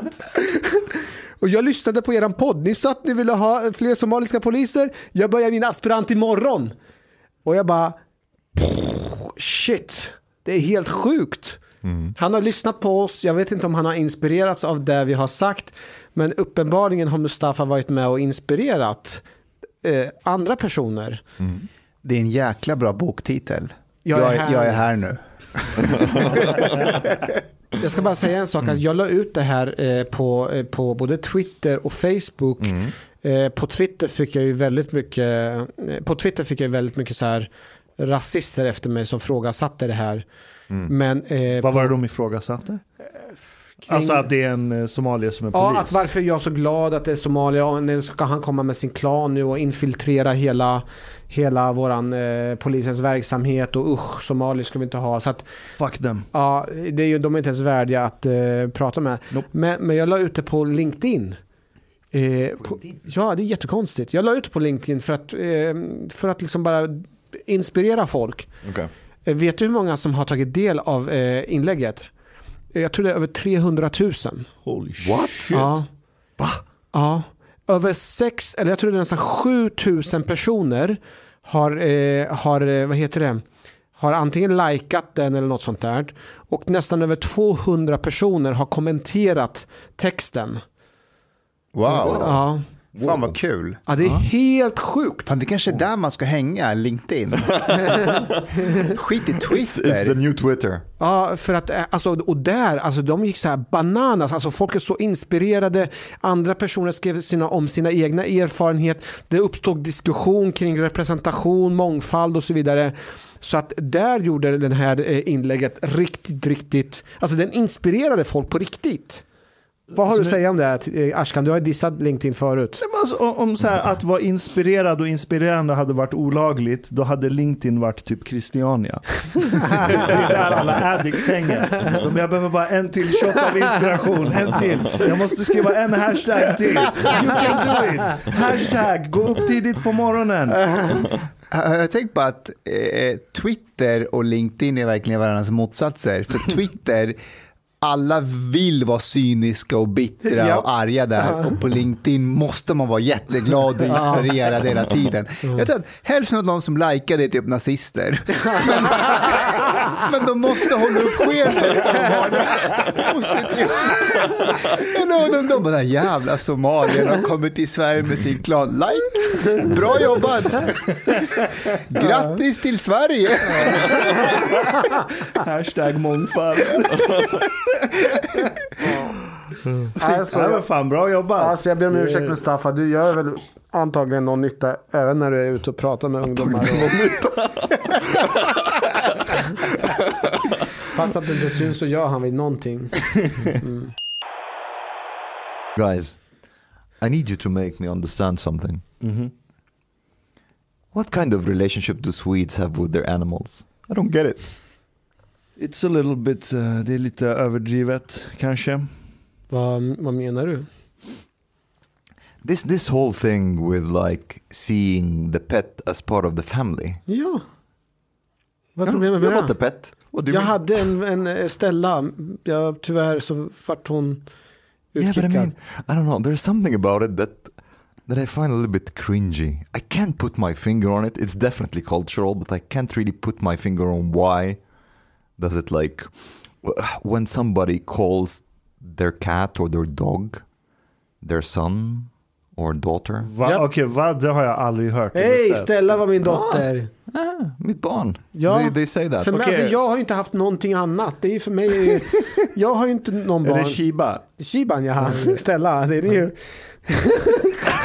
Alltså jag älskar att det, det är hunden som, som, som kryptovalutan Dogecoin bygger på. Du har en Dogecoin-hund. Det här är Stella. Det är Dogecoin! Det är Du Stella. har Dogecoin! Uh, and I remember like having uh, that conversation one time with my girlfriend. We we have a, a cat that I have a complicated relationship Jag with. inte ville slänga ut den där The katten. cat. Ja. Eller var det fl- flickvännen du ville slänga ut? No, she, she loves she loves the cat. Um, but I think for me this is just like a little bit strange when she calls the cat like her child. Uh, b- b- because in Egypt, like, and she was like, yeah, you have to like treat the pets as part of the family. Yep. Like if we would get a dog and stuff, I don't want that to have the dog indoors, for example. Det är så jävla arabiskt. I know. Vad fan. Ja, det är Uh, and and I'm like, well, uh, she's like, it's it's part of the family, and I was like, no, the relationships, the, relationship that in Egypt we have towards animals is that basically like a master slave relationship almost. So I said like, no, but the cat is like my slave. she got really upset. Okej, jag har en... eh, Okej, ni, Egypten är på andra sidan spektrumet. Ja, precis. Men eh, så här då, jag har en hypotes här. Majoriteten av de som kallar sitt husdjur för sin dotter eller son har inte skaffat barnen. Det är jag. Det hade jag inte gjort. Det har jag inte gjort än. Hmm. Du, i Egypten så avgudade man ju katter förr i tiden. But that was like a few thousand years ago. Ja, visst, men ändå. De var inte arabs på den tiden. det, det var ett annat folk. No, I, but actually, like there, there is, like cats are much preferred to dogs until today in Egypt, but because of the Islam thing, the dog is considered like you know, Smutsigt. oh, exactly. Um, but at the same time, n- they wouldn't see that animal on equal footing with the members of the the human members of the family. So like it's not like basically if if there's five human beings and a pet, so there's like six members of the family. That would be a very alien idea in Egypt. Så jag, jag hade en katt eh, tillsammans med min dotters man när vi var ihop. Och det var mitt första husdjur ever. Men alltså jag älskade den katten. Jag älskade den som fan. Men det var aldrig någon sekund där jag misstog katten att ha samma status och viktighet som mig. Mm. Alltså det var inte equal footing. Mm. Men jag tog hand om den, eller vi tog hand om den skitbra, mådde den minsta lilla dåligt, så här, raka vägen till veterinären. Det var så här jättekärleksfullt förhållande till den här katten. Jag dör för henne fortfarande, nu har hon gått bort, hon blev gammal. Men det var inte equal footing. No, but but also I, I don't really understand. Like, what purpose does the cat fill? Det är som en jävla lodare hemma hos en. There's no purpose, no no practical. Nej, inte än. Alltså, det, it, it's, it's like a hobo living in your house. I know. Den gör ingenting, den, den, den, den bara ligger där. Katter ja. not Och hundar. Nej, hundar eh, bidrar. Okej, hund, Okej. hundar är en så här energisk, eh, hem, hemlös person hemma hos dig. Som det, bara, vi lever ju en väldigt individualistisk, det är ingen som bryr sig om oss. Hunden kommer att bry sig om dig, det behöver vi, vi människor. Okay, okay, but at least with a dog you get the interaction, you get love. But like with a cat, Katten it's är... almost like masochism. Like you are in an abusive relationship with a creature at your house that hade comes to you only if they need to. om, jag, om jag hade fått välja så hade jag nog, jag tror att jag hade föredragit en katt ändå framför en hund. Därför att hundar behöver mycket mer uppmärksamhet. Du ska gå ut med dem och rasta dem. En katt kan ju du lämna i fred Well, ganska mycket. I like the dog, but I really hate the dog drool. Det var, det var Men det är inte alla, Aha, det är inte alla som gör det. Vet ni vad som är skumt? Singelmän som har katter. Jag har också tänkt Japp. på det. Sen förstår jag inte varför jag tycker det är skumt. Det är bara någonting jag har i mig. Jag blir... Weird. Why? Jag vet inte, det är bara... Well, having a cat generally speaking is weird, but why? Jo, men män som har katt, det är någonting som inte stämmer. Det är gay. Det, det, det är inget fel att vara gay. Alltså så här. Det är inget fel, okej. Jag menar inte gay som att man är, det är något fel på att vara homosexuell, utan, utan det beteendet. Vad är det som är fel med det då? Jag, bara, du måste bara förty- jag måste ta. Jag har ju lärt mig att jag måste markera för felbeteende bland män och jag måste, men, att vara gay, det, det, Du vet, man säger att det är fjolligt. jag förstår. Det, det betyder inte att man, är liksom, att man har en Men- homosexuell läggning, Nej, men, utan man det är beteendet. men det är ju inget som är positivt. Du använder ju fjollig som ett negativt ord. Jag tänker bara att jag måste öva på att använda de här markeringarna som de har sagt att man måste göra. Keep going. Men alltså du måste inte det som en positiv grej. Så Mustafa, har du något problem med gay? Men jag har, alltså, jag har inget problem med homosexuella. Jag har verkligen inte det. Jag har Nej. pratat med Eli. Vi har diskuterat. How Han har- many how many men have you slept with? Nej, inte det. Men alltså, det, I nej, Afghanistan så... E- Eli har ju berättat för mig, jag, jag, jag diskuterade en gång så här, ah, Mustafa han är, han är taskig mot mig. Då sa han, eh, om, du vill, om du vill ge igen på Mustafa, då har jag bästa, eh, då har jag bästa historien. Eh, och då tänker jag så här, jaha men berätta. Jo men, men du ser ju på Mustafa, han ser, du ser att han ser väldigt cool och eh, avslappnad ut. Det är ju inte en chans att han är så här avslappnad utan han försöker hålla ihop det och försöker ha den här fasaden utåt. Och han lyckas väldigt bra. Men en gång när vi var ute, jag och Mustafa tillsammans, då träffade vi på en kille. Och den här killen, eh, han var, eh, han var transsexuell. Kommer du ihåg det Mustafa? Alltså, what? Jag tror jag till och med har en bild på honom. För jag tror jag vet vem det är, för han är på mig nu. Jaha, Ja. vänta, vänta, vänta, är han eh, typ, Ja, han är från eh, nå, eh, i Egypten eller? eh, jag uppfattar honom att han är från Han var inte transsexuell, han var, han var homosexuell. homosexuell, ja. Eh, alltså, Wait, wait, wait. Vänta, vänta, Can't you, vänta. can't you tell the difference between trans and... Jo, men det, han, var, han var inte den här maskulina mannen som... Nej, men kolla här. It's pretty transphobic man. Han sitter här och tar avstånd och så blandar han ihop. två- Okej, Du är en turf. Vad är det? Du är en terf. Vad fan är det? En trans exclusionary radical feminist. Hanif, att du tar fram bilden spelar ingen roll för ingen kan se den. då. Nej, men du, du vet vilken jag pratar om. Jag vet vem du men du pratar tappade om. Helt. Jag, jag tappade det därför att han flörtade med mig. Ja. Ja, och det var, väl, det var obekvämt. Varför alltså, var det tappade obekvämt? det på vilket sätt? Tappade jag, jag, jag skällde ut honom. Nej, det är klart jag inte gjorde. Jag, var, jag blev väldigt obekväm och väldigt osäker. För att Okej. han... Hur, hur, vet du att han, hur vet du att han flörtade med dig? Därför att det var väldigt obvious. Ja, men kan du bara ge några exempel så jag kan assess the situation här? In what way did he touch your butt? Det var, du vet, det var smicker, men lägg på liksom sju lager till av smicker. Var, var ni på ett fik eller vad var settingen? Eh, Settingen var att jag och Eli var ute och gick en promenad. Okej. Och så sprang vi på honom vid eh, busshållplatsen, precis utanför Klang. Ja. Och han ville liksom inte släppa och låta oss gå vidare. Det var så här, du är fantastisk Mustafa. Och så vet, handen på axeln. Alltså han visste vem du var från Ja, han visste vem jag var. Och det liksom, det slutade inte. Och då började jag fun- fundera på, okay, skickar jag signaler till honom? Om... Jag blev bara osäker. Okay, but now I'm a bit confused. Did he say something about, like, in what way did he flirt? Han var väldigt sm- Han smickrande. kanske var en fanboy. Det finns fanboys som gör så. Jo, men han var också gay. Så det Men, var... men det, det, du det, det? det, Alltså, det, vet du det för att- Jo, Jag men han, vet han, det. han var gay, Okej. men jag undrar vad problemet är. Du, vad är problemet? Vad-. Okej, om det hade varit en kvinna som Ja, hade betett exakt. sig så. Det hade varit, eh, det hade varit jobbigt också. Men Alltså, inte det på var- samma sätt. Om det hade varit en Kom kvinna som- igen! Om det hade varit en kvinna du tycker är snygg. Eh, Det hade varit jobbigt också för att eh, jag är ett förhållande. Fast det, Nej, det där är dålig ursäkt, du var inte förhållande då. Eh, och grejen är att du var obekväm för att det var en man som flörtade med dig. Vad är det som är obekvämt med att den här mannen flörtade med dig? But I don't see this as flirting still. Vet, Fast han säger att det var uppenbart att han raggar på Mustafa på ett obehagligt sätt. Eli ser det också. Ja, ja, men han var ju liksom, han var ju feminin. Alltså, du kan vara, du kan vara fjollig, men du kan vara, gå till överdrift. Den här killen var förbi alla stadier. Han var mer kvinnlig än kvinnorna. Men kolla, det, alltså, de grejerna är inte ens poängen. Det här är ett problem jag har med människor som är så här, åh jag är så tolerant och öppen och bla bla.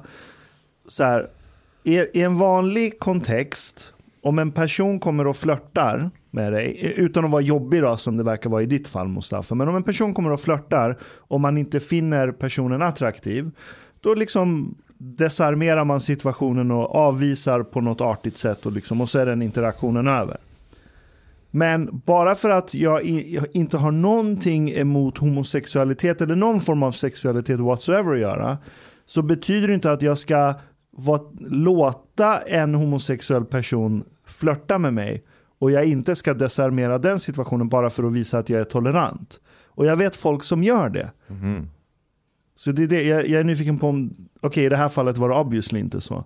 Det var därför jag frågade om, hade du reagerat samma sak om det var en kvinna som var attraktiv? Alltså, sen är det så här, det, det är ju inte varje dag eh, en homosexuell person raggar på en. Så medan man kan ha en erfarenhet av det motsatta könet och man desarmerar det. Så det här var en ovan situation. Okej. I Sverige och i Afghanistan var det jättevanligt att homosexuella män kom fram. Och... Alltså jag, jag, jag ser inte problemet, nu pratar jag inte om din situation, men generellt. Jag ser inte problemet med att man så här, alla tycker inte alla människor är attraktiva. Och Fast det är, inte, det är inte att han är attraktiv. Det handlar om att Mustafa känner sig obekväm i form av att det är en kille som raggar på honom. i, enligt dig ja. Nej, enligt honom själv. Ja, det var lite jobbigt. Fast jag förstår inte poängen. Va- Varför skulle det vara lika jobbigt om det var en kvinna? Varför det? uh, well, Det, vet ni, det, det är rätt många gaykillar som raggar på mig av någon konstig anledning. Men du Ja, hänger du, jag tror att Omar vinner den Ja, men, tävlingen. nej, men alltså, Omar, du måste ha massor. why? Why me? Ja, men du är så maskulin. Du är den här... Ja, fast vänta, vänta. jag, jag tar det lika mycket som en komplimang Ja, men som Ashkan, det hade varit en Ashkan, tjej. Du, du, du har växt upp i sådana kretsar. Vad spelar det för roll? Du, du är ju van vid att springa på homosexuella i Och de, det är inte i du som är från. Afghanistan eller? Ja, men Well- du, du gör ravemusik och... Vad har det med gay-communityn att göra? det Ja, har en men hel del med det att göra. det har du ju. Har det? Okay, Alltså, well actually, Gay-communityn och housemusiken. Det är ju Ja, liksom, ja. Det är ett kärleksförhållande Ja, ja. Som, i, som förtjänar så här, sin egen dokumentär. Eh, Men ja, men visst, det har liksom spilt över till andra former av elektronisk musik. Sist det hände var faktiskt på ett rave, precis innan eh, covid. Hmm. Då var det jättemånga, det var inte så här ett gay-rave, men det var skitmånga gay-killar som var där. Well, actually, same, same thing for me. Jag tar det som en komplimang. Säg dude, Mm. sorry jag är inte gay men Mm. Alltså är det någonting vi har sagt här idag som kan uppfattas som homofobiskt? Eller transofobiskt eller kvinnofientligt? Nej. ba- bara av människor som aldrig hängt med en homosexuell eller transsexuell person som blir sekundärkränkt. we're, not homophobes or transphobes. Nej, nej, men so, jag tycker vi so we visar can oss... just we can just talk. What, Nej, jag tycker att vi visar oss sårbara och det här är ju sånt samtal. det är sant. Det här är, alltså, det här är Mustafas nivå på att visa sig sårbar. Han okej. gråter inte, men han kan, han kan prata ut om de här känsliga grejerna och det är jättefint. I will ask him another thing. Det är faktiskt fint. Ja, Tack för att du belyser det. det är fint Mustafa. Would you have been Would you have been uncomfortable if it if it was a a girl who you think is really una- unattractive that is flirting with you? Ja, det hade varit Yes. jobbigt Okej. också. Yeah. So I think I think in that case also I th- there's an aspect of attraction. Jag tror det är det det handlar om också. Yeah, there's an aspect of attraction. Well, i- If a girl that I find attractive is, is flirting with me, I'll be, regardless whether I'm in a relationship or not. But I, I would think it's like yeah, I'm not I'm not feeling any unpleasantness in that situation. Fucking flattering! Yeah, man, it's it flattering. har jag berättat om den gången jag blev metooad? No. Jag var i Jönköping. Eh, Ganman och jag hade släppt vår bok eh, Det lilla landet som kunde. Och vår första eh, stopp på touren var Jönköping. GAPF bjöd dit oss.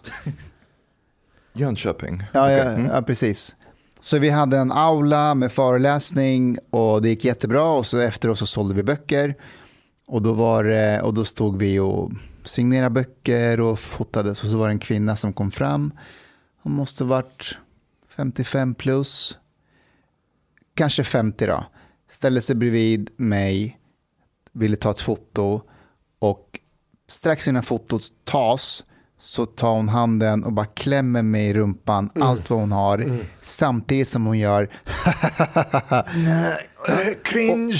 Ja. Shit. och, och, och fortsätter att hålla i liksom klämmer. Hur, hur gammal alltså- var den här personen ish? Ja, men Snackade vi om? 50 plus. No, no, Okay. just just a second. Fortsätter. What, did you? What were, was your reaction? What did you do? Och, och jag tror att eh, jag gjorde ingenting såklart, ingenting. Och hon visste att, vad ska du göra för något? What jag är en kvinna, jag är 50 plus, vad ska du göra? Eh, så How about my släppte, ass belongs to me, bitch? jag vet, men Ja, så här, fan gör du? Ja, det, det, det, här har, det här har hänt mig också. Inte att jag blivit tagen på rumpan, men just vid fotografering så är det en äldre kvinna som... balls. Nej, men hon, hon var väldigt mycket fysiskt med mig och jag, och jag kommer inte ihåg vart det var. Men till slut så sa du, eh, jag känner inte dig men vi kan ta en foto tillsammans men du behöver inte hålla på med mig. Eh, ta, ta det lugnt. Nej, men jag gillar att vara fysisk med dem jag träffar och jag känner bara så här, eh, det, var, det var också Ja, obehagligt. men kolla, det är en boksignering, folk är där, det, det, det är bra stämning. Du vill inte vara den som förstör stämningen. Så jag sa ingenting. Hon tog sitt foto, sen gick hon därifrån. Sen berättade jag såklart för Jens efteråt. Och han asgarvade från Jönköping till Stockholm. En, en fråga, känner du dig kränkt där? Alltså på riktigt, kändes det obehagligt? Där och då kändes det obehagligt, men ska jag vara helt ärlig på väg hem, jag skrattade också med Jens. Och det här är så viktigt för att när man pratar om metoo och alla liksom uts- att man känner sig utsatt. För jag tror att det många gånger så har personer blivit någon har tagit på en, men man har inte tänkt på det. Man har inte tänkt, man har inte känt sig Okej. kränkt. Men man blir kränkt av att man förstorar upp allting. A little bit, but also there's there's another. I think there is a very very big gender difference there, because again, for most of us, the other sex does not constitute a threat in the same Det är way sant. that that sant. men can constitute a threat to women. Because let's say if if if we are out in a bar and like a girl is like really eyeing you up or like even touching you or so on, it's not the first thought that comes to your mind. Like, will she follow? Is she a freak? Will she follow me Mm. after we, we go and like she would do something, beat me up or like you know rape me or something? You will not Det är think. It sant. will not come to mind. So for you, in a way. Even that thought like is funny, haha, cute, kind of. You will never see that as a as a existential threat.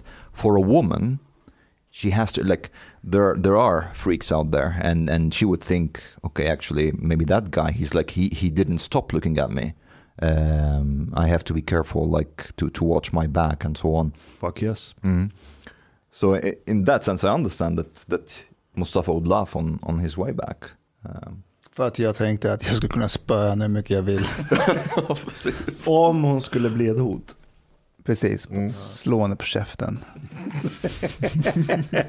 Vad fan gör du kärring? mm. Boom! Tänk om du hade gjort His bottled up emotions are coming out. His trauma. Tänk om, tänk om du skulle gjort det i reaktion. Vad fan gör du? Och så bara smäller du till henne på... Där inför alla. Ligg ner.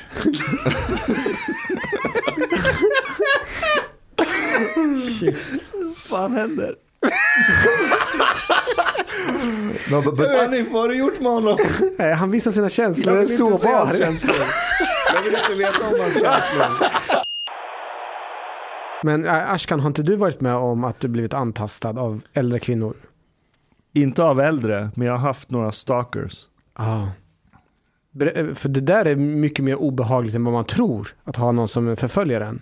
Jag hade en stalker som förföljde mig i fyra, fem månader. Shit. Japp.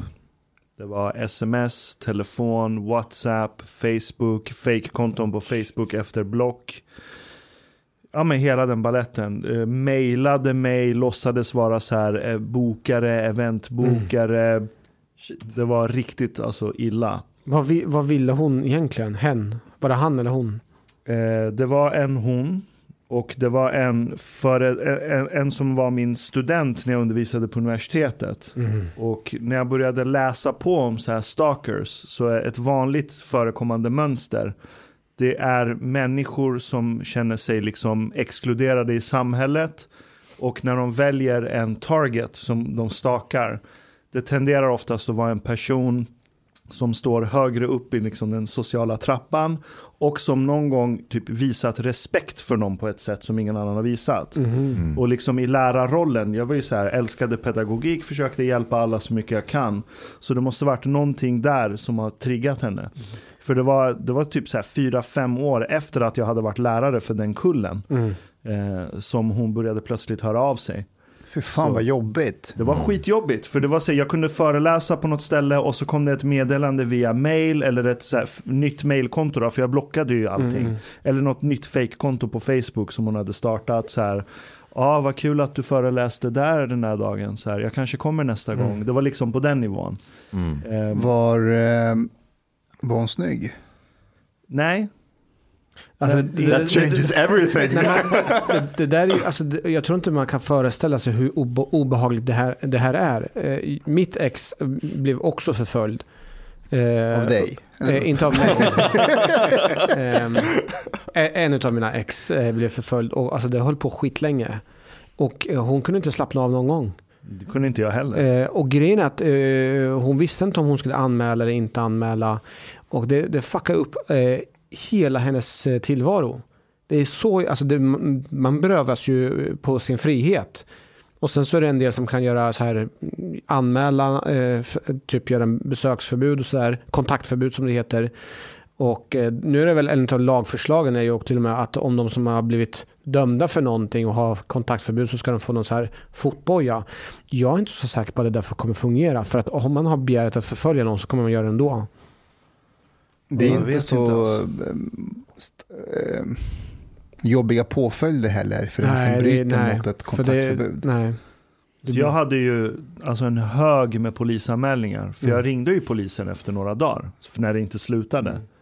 Och de bara, "Ah, men då måste du säga, har du sagt ifrån en gång minst måste du säga? Jag bara, ja. Okej, då måste du polisanmäla varje gång hon hör av sig Mm. efter det. Eh, Men det slutade med att jag till slut, så här, jag, jag visste inte vad jag skulle göra. För polisen kunde inte göra någonting. Och nu råkade, eller skit i den detaljen, eh, jag vill inte att det ska avslöjas vem den här Mm. personen är. Det slutar med att jag googlar så här, hur, hur skaffar man en restraining order? Vad heter det på svenska? Besö- Kontaktförbud. kontaktförbud. Ja, kontaktförbud. Ja. Och då ska man tydligen ringa åklagarmyndigheten. Det är åklagaren som fattar beslut. Right. Så jag ringer och så är det en åklagare som svarar och så berättar jag hela scenariot. Och då sa hon åklagaren att okej, eh, då är jag skyldig att kontakta den här personen. Eh, och höra hennes sida av Japp, storyn. japp. Eh, vilket var nytt för mig. Mm. Eh, så då sa jag liksom namn och grejen är att hur jag fattade vem den här personen var från första början. Det var att när jag googlade telefonnumret så kom det upp en Blocket-annons Mm. som hon hade lagt ut och där stod förnamn efternamn. Mm. Och sen googlade jag på förnamn efternamnet och då kunde jag se vem personen var. Mm. Och då kom jag ihåg vem det var. Mm. För att det var en person som behövde väldigt mycket hjälp för att hänga med i undervisningen. Mm. Eh, så jag visste exakt vem det var. Så jag gav telefonnummer och namn och allting till åklagaren. Och sen ringde hon tillbaka efter typ fem minuter. Hon bara, ah, men nu har jag ringt och pratat med den här personen. Och hon sa att hon inte vet vem du är. Hon har aldrig träffat på dig någonsin. Hon har aldrig ringt eller hört av sig till dig. Men hon lovar att aldrig göra det igen. Oj, vad bra. Och hon fnittrade åklagaren medan hon berättade det här. Mm. Eh, så hon bara, det här kommer nog förmodligen sluta här, Mm. tror jag.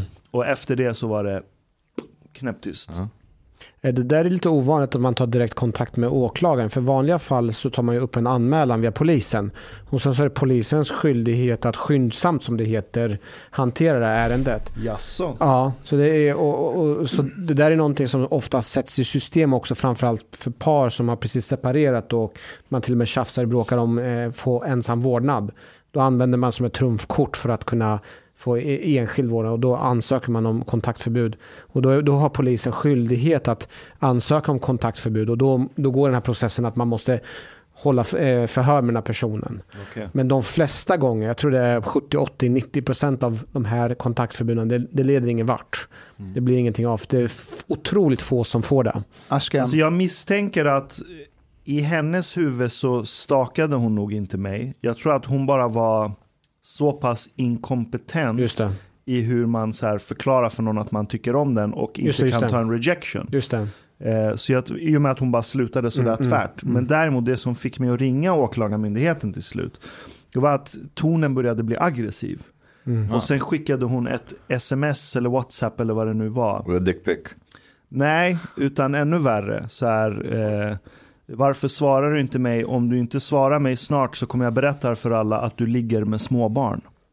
What? Ja, då var jag så här, okej, fuck this shit. Mm. Jag måste göra någonting åt det här. Mm. Eh, Och det var då jag hamnade hos åklagarmyndigheten och då löste sig allting. Det känns som att det är något med den här storyn som inte stämmer. Okay. Det är som en man sitter här och pratar om en kvinna, så jag skulle vilja bjuda in Ashkan Stalker. Vi har tagit med den här personen. Jag vill ha... Välkommen in! Uh, dear lord. Ja. Hur hade det känts om hon hade börjat igen efter det här avsnittet? Jag vet inte, eller jag skulle bli skitskraj i och med att hon tydligen inte hade problem med att hota om att hitta på att jag är pedofil. Shit. Sen vet jag inte om hon har typ brorsor eller kusiner som hon kan ljuga upp någonting för att jag vet inte, att jag har gjort det ena och det andra. Så att de kommer att göra någonting med mig, jag har ingen aning. Jag vet what do inte. you mean? You have your clan here. Ja, men ni är inte alltid med mig. Men vad fan skulle vi göra? Vad fan ska vi göra? Jag kan fixa ett kontaktförbud. Du, du är polis! Vad ska jag göra? Jag kan, jag kan, jag kan eh, ansöka om kontaktförbud. No, no. If she will bring her cousins, he should bring us. Men vad ska vi Jag göra? gillar hur du typ avslöjar hennes etnicitet genom att prata om att hon skulle prata med sina brorsor och kusiner. Vad har det med kusin, vad har det med etnicitet att Ja, göra? men vilken svensk skulle höra av sig till sina kusiner och bara kan du hjälpa mig med personen jag stakar? Det är sant. Personen jag stakar hotar mig. Um, Det var många år sedan, det är över. I haven't been been stalked here in Sweden, um, but uh, I remember one time that I felt like really uh, it was really uncomfortable. I was in a car with with uh, with a girl. She was driving. That was that was back in Brazil, and I was not not attracted to her at all. Uh, Varför åker du bil med någon du inte är attraherad till? Det kan man göra ibland.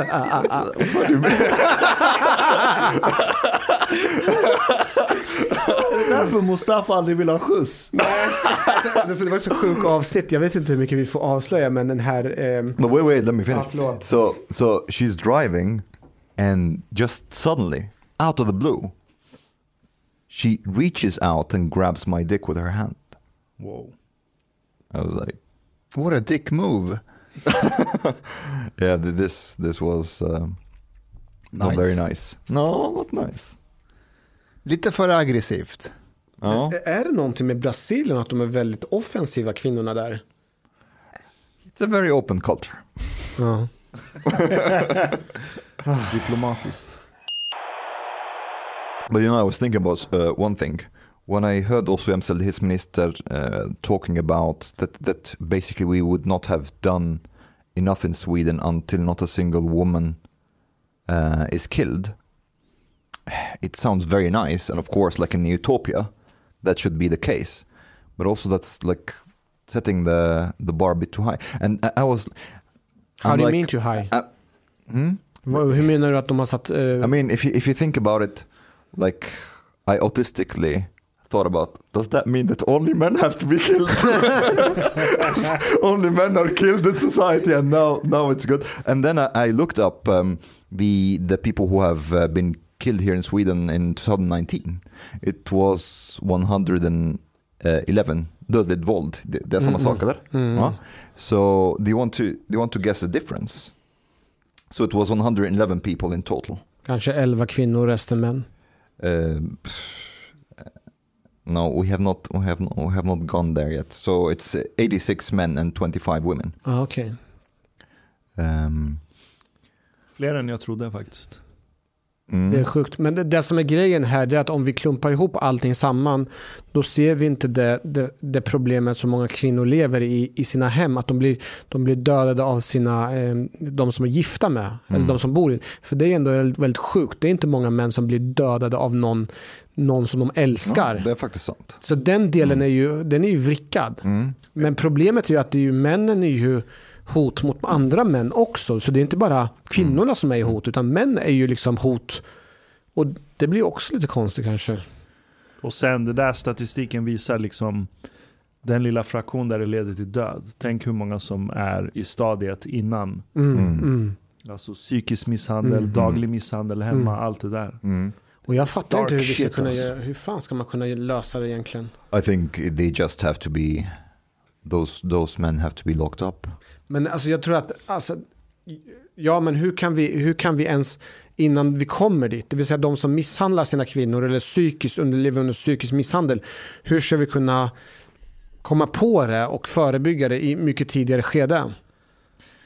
Okej, nu leker jag bara med tanken här. Mm. Eh, Jag är väldigt dåligt insatt i hur lagarna funkar och, och så vidare. Men så här, om jag visste, om jag var kvinna och visste att om jag kan bara haffa på bild eller ljud eller kamera ett tillfälle där min man slår mig och det är klart och tydligt att han har gjort det och jag går till polisen med det här så kommer det här leda till att jag kommer bli fri från hans våldsutövande.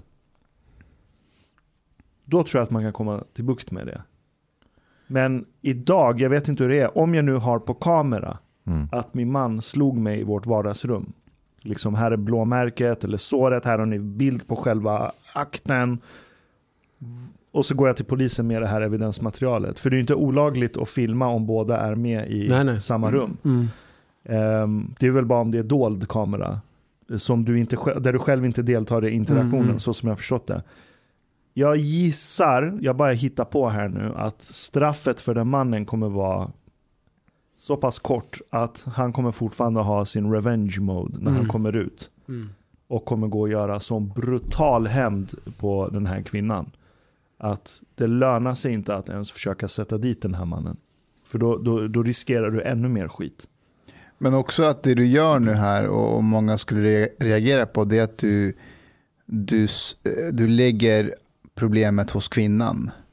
Och säger att hon måste göra någonting åt sin si- situation. Jag säger inte att du har fel. Nej, jag Men- säger om du väl råkar hamna i den sitsen. Jag säger inte att det är hennes fel att No, hon har hamnat didn't där. though. He didn't. He's, Fast he's, handlar- say, he's saying he's saying that even if she if she does, that that man would be locked in for a very short period of time. Jo, that- jo, Ja. Ja, alltså jag håller med. Men, Mm. men jag menar att det finns ett problem med samtalet idag. Att så fort man säger okej, kvinnor som hamnar i en sån situation, de borde göra X eller Y. Man kommer inte ens fram till Y innan någon säger så här, app, app, app, app. Nu lägger du ansvaret på kvinnor. Så kvinnor har ingenting med det här att göra. Utan det är bara män. Vi ska fokusera på män. Det är männen som slår kvinnor. Kvinnor ska inte göra någonting. Och, det, fin- och det, det är någonting som är skevt här.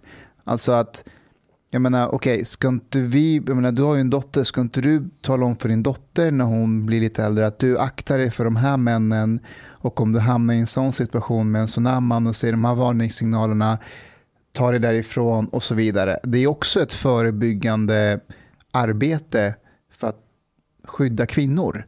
Ja, men alltså, jag kommer ju hålla psykologiföreläsningar för henne när hon kommer upp i den åldern. Så här, de här signalementen tyder på att den här snubben har de här, de här, de här problemen. Men det är väl inte alla som har det privilegiet att de får en sån psykologiföreläsning hemma av sina föräldrar. Så jag menar, jo jag kommer göra allt jag kan för att preppa henne. För Ja, att kunna se signalerna på psychopaths. Men det känns som att spelet är riggat på... Ja. Spelet kring det här samtalet är riggat. Ja. Det, det är så här, Det är redan ideologiskt förbestämt. ja, att, Det är det som är problemet. Den är ideologiskt förbestämd. spelet är så här, vi måste fixa det här problemet med att män slår kvinnor. Och Män är problemet. män är problemet och män måste prata om det här. Och om någon säger så här, okej men kvinnornas roll, inte för att kvinnorna har en roll så per se, men ni förstår vad jag menar. Så här, vad ska en kvinna göra om hon hamnar i en sån situation? Bara det att uppmuntra kvinnan att göra så här och så, that's a good point. så blir det som att, app, nu lägger du det på kvinnorna. Jaha, nu fattar jag vad du Ja. menar. Och det är, ju det, det är det här som är problemet, att det här är ju en ideologisk kamp som jag delvis förstår. Det handlar ju om kvinnorörelsen. Från början kvinnorörelsen kommer från vänsterhåll och man har drivit igenom det, men den har fastnat i den, det stadiet. Och det, det, det förutbestämda är ju också att om männen tar sitt an- kollektivistiska ansvar och pratar med andra män så kommer vi kunna förändra männen att inte vara våldsamma. Men jag fattar inte hur det här ska gå till. Alltså, Det var, det, jag frågade, det var det, exakt det jag frågade Jens. Du Jens, du säger att du ska ta det här samtalet. Vad förväntar du att det ska ske? Ska, kommer du snacka? Kommer du kunna tala den här personen till rätta? Precis. Jag, jag sa det lite eh, cyniskt mot honom. Vi får se hur det är. Kommer... Kommer ni ihåg när de här eh, sexuella övergreppen eh, på festivaler och sådär var japp. som hetast? Då startade den här organisationen Fatta eh, det. eh, herrmiddagar. Eh, och så skulle eh, män samlas under middagar och prata om vad som är okej och inte okej sexuellt och sådär. Alltså tafsa, var, var gränsen går och så. Och jag såg framför mig, jag hade vänner som ordnade sådana middagar. Och jag frågade dem, okej fast vad kom ni fram till? Jo men alla runt middagen var ju överens om allting. Mm. Alltså det är ju ingen vid middagen som säger att nej men det är väl okej att, göra, att ta på henne på brösten vid det här tillfället när hon inte vill. Alla, är, alla runt middagen är överens om att män är problemet och män borde skärpa sig. Det finns ju ingen, det är inte högt i taket på något sätt. Nej. Så hur ska män lösa det här problemet? Alltså det är en genuin fråga. Alltså, om det fanns en lösning skulle jag bara kör. Men kolla, här är mitt problem. Om du säger att det är mäns, att alla män måste hjälpa till, okej. De som pratar om det här och är medvetna om det här och vill lösa det här, hur många psykopatmän känner ni? Som ni vet är psykopater och är på den här gråzonen av att kunna gå så långt att de börjar misshandla sina kvinnliga partners. Det är ju dem du ska ta samtalet med. Men de flesta hänger inte med de människorna. Eller de människorna är duktiga på att dölja det, du märker inte det. Om Jag kan de... tänka mig att de kommer till herrmiddagen och, och, och leder samtalet. ja, exakt! Ja, för de är Ja, det- psykopater. det- Vad har vi gjort då? Vad har vi gjort? Yeah, but but the thing is also that there is there's a difference between uh, you know if somebody would grab somebody and beat them up. Uh, one is probably more common than the other, um, and yeah, I, don't think any of them will be open about any of that. Nu Men när det är det jag menar. Ja, men jag, Ja. jag har tänkt igenom nu och jag känner faktiskt en person som jag vet har misshandlat eh, sin eh, fru eller flickvän och så. Men grejen är att det är ju så sjukt beteende. Så att genom det här beteendet har ju den här personen exkluderat sig själv från eh, gemenskapen. Jag har ju inte kontakt med den här personen, jag har ingenting med honom att göra och jag kommer ha mycket, mycket mindre med honom att göra efter det här, det här som har skett. Och det är inte en person som står nära mig. Och jag tänker så här, jag vill verkligen visualisera hur jag aktivt skulle kunna vara med och bidra. Och jag ser inte framför mig att det kommer ske. Alltså den här personen har, har misshandlat sin eh, flickvän och för mig är det, det här så jävla sjukt beteende. Och jag hoppas att han har fått det straffet som han förtjänar. Eh, och vad ska jag göra? Vad ska jag göra som, vad, vad, hur är mitt ansvar i det här fallet? Du ska bjuda hem honom på middag. Och samtala. Och så ska du ha ett normkritiskt samtal med honom. Or, or beat him up. no, but, but actually, okay, this, this is one... Nej men det är min poäng också. Vad fan Ja. ska du Yeah, göra? it's not- it's Han not kommer inte vara mottaglig för det du... But I, I think there's there's two parts here. Like Sweden, one of the things that's good with it is that basically it's a rättsstat. Ja. Like mm, uh, we talked a little bit about that. Um, that that all of Swedes they have basically delegated all these responsibilities to the state, which which is good. Um, um, but also, like for example, if somebody would would slap you in the face of, or punch you in Egypt, it would be like totally insane to to call the police. The police would be like, okay, did that person ha- have a knife or a or a gun? Why, why did you not slap back? The policeman will, will, will probably say that actually. They would think that person is totally crazy that they they have not really taken taken matters into their own hands, and that's an interesting. I don't like. I, I'm reminded of this. Um, I don't know what would go into a Swede's mind if they know that their daughter has been beaten up. I'm, I'm trying to visualize it for myself. I think I would go fucking savage on that guy who beat my daughter. Um, and I know that this is not good, but I'm not. I, I don't see that I will be able to like uh, to see if we have evidence and stuff like that and so on. And the thing is, like in Egypt, a lot of guys know that also. That the, if they would beat somebody's daughter Yep. or sister, there would be trouble. um, Jag tror att eh, eh, om man skulle generalisera en svensk hu- huvud om något som skulle inträffa så skulle den känna på samma sätt som en man i Egypten skulle känna. Men de skulle inte utföra handlingen. mm. Därför att, än en gång, det finns en, en tredje part som man överlämnar ansvaret till. Well, hopefully that day never comes that I have to be put in that situation and find out. Precis, Mm. Och, och anledningen är att om du skulle gå ut, alltså om en svensk man skulle gå ut och, och ställa den mannen till svar som har slagit hans dotter, vem ska backa upp honom? Han måste ju ha med sig, i Egypten kommer du förmodligen ha kusiner, familjemedlemmar, släktingar, vänner som backar upp dig. Vem kommer backa upp den svenska mannen? Det är bara en tredje part som staten som kan backa upp honom. Det här är rätt generaliserande. Okej, såklart om det, är, om det är en svensk från arbetarklassen, sure, han kanske har vänner som ställer upp på ett sätt som från medelklassen inte gör. Men här är det, vi har överlämnat det här helt åt staten.